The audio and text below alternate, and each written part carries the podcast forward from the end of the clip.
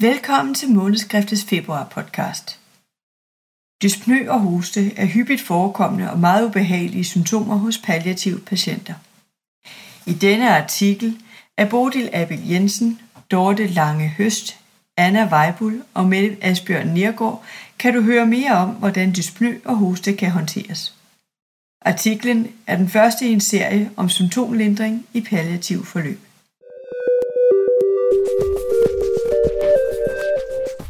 og du føler det som om du skal dø, og du tager alt af. Du åbner alle vinduer, fordi du tænker, at hvis du åbner alle vinduer og døre og tager dit tøj af, så kan du måske trække vejret bedre, men det gør ingen forskel. Det er den mest skræmmende ting, jeg nogensinde har oplevet. Sådan beskriver en patient sin oplevelse af dyspnø. Baggrund Dyspnø er en subjektiv oplevelse af ikke at kunne få luft nok og er en anstrengt vejrtrækning. En subjektiv oplevelse, der ikke nødvendigvis er objektivt registrerbar. Symptomet er ofte forbundet med angst, frygt for at blive kvalt og frygt for forestående død. Dyspnø er et meget hyppigt forekommende symptom hos patienter i palliative forløb, og en god helhedsorienteret behandling er derfor afgørende for disse forløb. Patientens perspektiv Dyspnø er forbundet med en oplevelse af ikke at kunne få luft nok, hvorfor patienten eventuelt gisper efter vejret eller hyperventilerer. Patienten kan føle et bånd omkring brystet og eventuelt en fornemmelse af kvælning. Dette kan udløse en følelse af angst, som kan gå over i egentlig panik og følelse af en truende død. Dyspnø er ofte associeret med træthed og manglende energi, som betyder, at patienten ikke magter at deltage i sociale arrangementer eller blot i en samtale. Dette kan føre til depressive symptomer og en oplevelse af social isolation. Nogle patienter foretrækker at sidde op og ned og sove i en stol om natten. Dagligdags gøremål som personlig hygiejne, huslige aktiviteter og indkøb begrænses af vejrtrækningsproblemerne. Nogle af patienterne har vanskeligt ved at spise og samtidig opretholde en samtale, hvorfor de vælger at indtage måltiderne alene. Som kompensation for dyspnøen sætter nogle patienter tempoet ned og undgår de udløsende faktorer. De hviler sig mere, slapper af og lærer at acceptere mere hjælp til f.eks. personlig pleje. Oplevelsen af hoste og dyspnø har ofte en negativ indflydelse på disse patienters livskvalitet i den sidste del af livet. Den sundhedsprofessionelles perspektiv. Dyspnø Dyspnø er et af de hyppigste og mest invaliderende symptomer hos patienter i palliative forløb. Blandt patienter med lungekræft er prævalensen op til 85% og hos patienter med andre kræftformer ca. 50% Hos patienter med terminalt hjertesvigt er prævalensen 66-88% og hos patienter med svær kol 90-95 også hos patienter med neurodegenerative sygdomme som f.eks. ALS er dyspnø et fremtrædende symptom. For alle sygdommene gælder, at graden af dyspnø forværres i takt med, at sygdommen udvikler sig. Den angst, der optræder hos patienten, har det med at smitte både personale og pårørende. Derfor er det vigtigt, at personalet har den fornødne viden, og at pårørende bliver vejledt. De pårørende bør altid involveres, det forventes, at de pårørende skal være en støtte for patienten, både i forhold til at træne øvelser, administrere medicin og i det hele taget få hverdagen til at hænge sammen. Det er derfor vigtigt, at de pårørende er velinformerede, trygge og rustede til at håndtere hverdagen i hjemmet og kan takle anfald af åndenød og angst. Dyspnø er en af de hyppigste årsager til akut indlæggelse, og er derfor ofte medvirkende til at vanskeliggøre eller afbryde et ellers planlagt forløb, hvor patienten ønsker at tilbringe den sidste tid i eget hjem. Dyspnø kan aktivere dødsangsten og de relaterede eksistentielle temaer. I sådanne situationer kan man sammen med patienten afklare, om der er behov for hjælp fra andre faggrupper, f.eks. en præst eller en repræsentant fra patientens trosretning. Patienten spørger måske, om hun eller han ender med at blive kvalt. Her har vi som professionelle en vigtig opgave med at berolige og formidle viden om lindring af åndedrætsproblemerne i den sidste tid. I artiklens tabel 1 over årsager til dyspnø er der skældnet mellem dyspnø ved maline og ved non-maline tilstande. Men forskellige årsager, som f.eks. pneumoni og anemi, kan naturligvis forekomme sammen med en kræftsygdom. Ved den objektive undersøgelse kan der være tegn på infektion, anemi, hypoxi, bronkospasme, pløvervæske eller andre tilstande, som indikerer, at yderligere undersøgelser er nødvendige. Det er vigtigt at identificere reversible årsager til patientens dyspnø, før symptomatisk behandling alene iværksættes. Hoste Hoste er hyppigt forekommende hos patienter i palliativ forløb. Hos patienter med lungekræft er det et af de hyppigste symptomer, og hos patienter med fremskreden kræft ses det hos 38 procent. Hos patienter i palliativ forløb kan hosterefleksen være ineffektiv, så sekretet ikke hostes op. Smerter, kakeksi, anemi og steroidmyopati kan være medvirkende årsager til ineffektiv hoste. Overvejelser og strategier Når behandling af udløsende årsager ikke er tilstrækkelig til at lindre åndenød og hoste, må rent symptomlindrende tiltag overvejes. Den non-farmakologiske tilgang er første valg.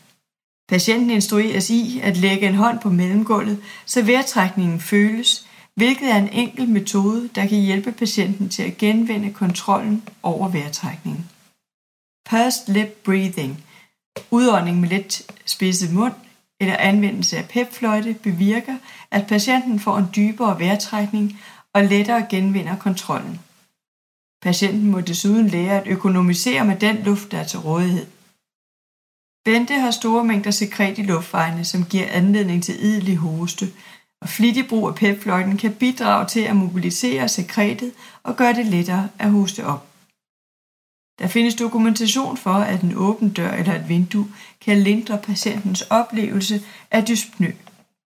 Det samme gælder en elektrisk vifte eller en ventilator – Mekanismen er, at afkøling af ansigtet i innovationsområdet for anden og tredje gren af nervus trigeminus kan mindske patientens oplevelse af dyspnø.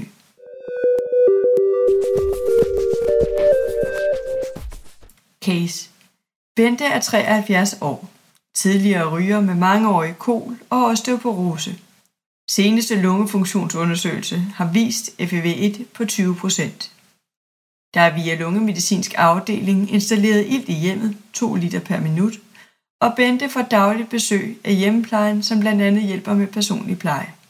Inden for det seneste halve år har Bente været indlagt to gange med forværing af åndenøden og mistanke om pneumoni. Bentes funktionsniveau er hastigt aftagende, og åndenøden forværret. Der er store mængder sekret i luftvejene, og Bente plages af hoste, også natligt, som forringer nattesøvnen. Der er desuden problemer med kvalme og obstipation samt diffuse smerter, som flytter sig rundt i kroppen. Egen læge vurderer, at der nu kun er kort forventet levetid og udformer terminalerklæring til kommunen og søger om terminaltilskud til lægemidler. Iltbehandling Hos patienter, som er hypoxiske med en saturation under 90%, har iltbehandling en dokumenteret effekt på patientens oplevelse af dyspnø. Når iltbehandling overvejes, kan blodgasanalyser eller saturationsmålinger være vejledende, men de er ikke afgørende. Der er ingen sikker sammenhæng mellem graden af dyspnø og patientens iltsaturation. Hos patienter, som er dyspnøiske, men ikke hypoxiske, kan et flow af atmosfærisk luft fra et åbent vindue eller en vifte have samme lindrende effekt på patientens dyspnø som iltbehandling. Ved ordination af ilt i hjemmet til den palliative patient kræves ikke, at de sædvanlige kriterier for iltbehandling og monitorering ved iltsygeplejerske er opfyldt. Egen læge kan selv bestille ilt til sin patient hos det iltfirma, den pågældende region benytter. Ilten leveres til patientens hjem samme eller næstfølgende dag. En dosering af ilt på op til 2 liter per minut er for langt de fleste tilstrækkeligt. Der hersker blandt professionelle en udbredt frygt for at give for meget ilt, da det kan medføre ophobning af koldioxid. Det er dog kun hos nogle af de dårligste kolpatienter, at retention af koldioxid udgør en reel risiko.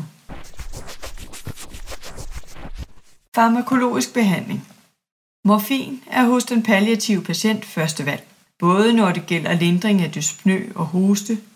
Bente blev under en hospitalsindlæggelse sat i behandling med tablet kodein 25 mg gange 3 på grund af hoste. Kodein har traditionelt været anvendt som hostestillende middel, men der er aldrig dokumenteret en effekt. Kodein virker derimod kraftigt obstiperende og omdannes i kroppen til morfin, hvorfor det er mest hensigtsmæssigt at ordinere den rene vare, det vil sige morfin.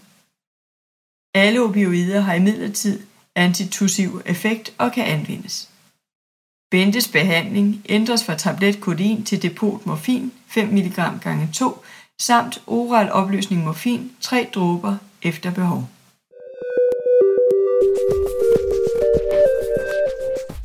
Virkningsmekanismen af morfin ved dyspnø er ikke fuldstændig klarlagt, men følgende menes at have betydning. Morfin påvirker respirationscentret, sådan at sensitiviteten for koldioxid nedsættes. Morfin virker perifert vasodilaterende, således at tilbageløbet til højre hjertehalvdel og dermed også trykket i lungekredsløbet mindskes. Hjertet aflastes, og ildforbruget mindskes. Morfin har til lige en anxiolytisk og let sederende virkning. Der findes ikke dokumentation for, at benzodiazepiner eller steroider har effekt på dyspnø. Benzodiazepiner kan dog forsøges, hvis patientens oplevelse af dyspnø indeholder et væsentligt element af angst. Tablet oxazepam 7,5-15 mg eller tablet lorazepam 0,5-1 mg kan forsøges. Hvis patienten er tæt på livets afslutning, bruges injektion midazolam subkutant PN sammen med injektion morfin subkutant PN. Steroider kan have effekt, hvis der er bronkospasmer eller tumortryk, hvor steroid eventuelt kan reducere ødemet omkring tumoren.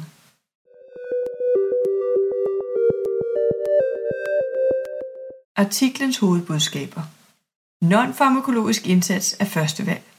Patient og pårørende lærer metoder, så patienten kan genvinde så dyb og rolig en vejrtrækning som muligt.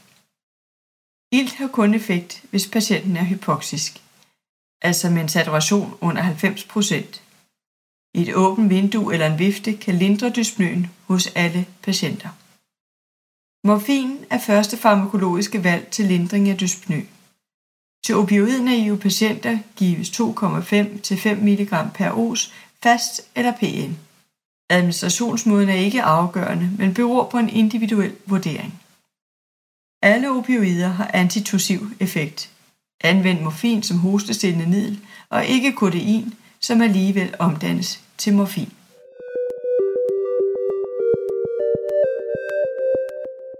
Med disse gode råd vil månedskriftet ønske jer rigtig god februar måned og gøre opmærksom på, at de beskrevne tabeller i artiklen kan findes i den elektroniske udgave af artiklen eller i papirformatet. Rigtig god arbejdsløst. Du har lyttet til en podcast fra Måneskrift for Almen Praksis, oplæst af Maria Vel.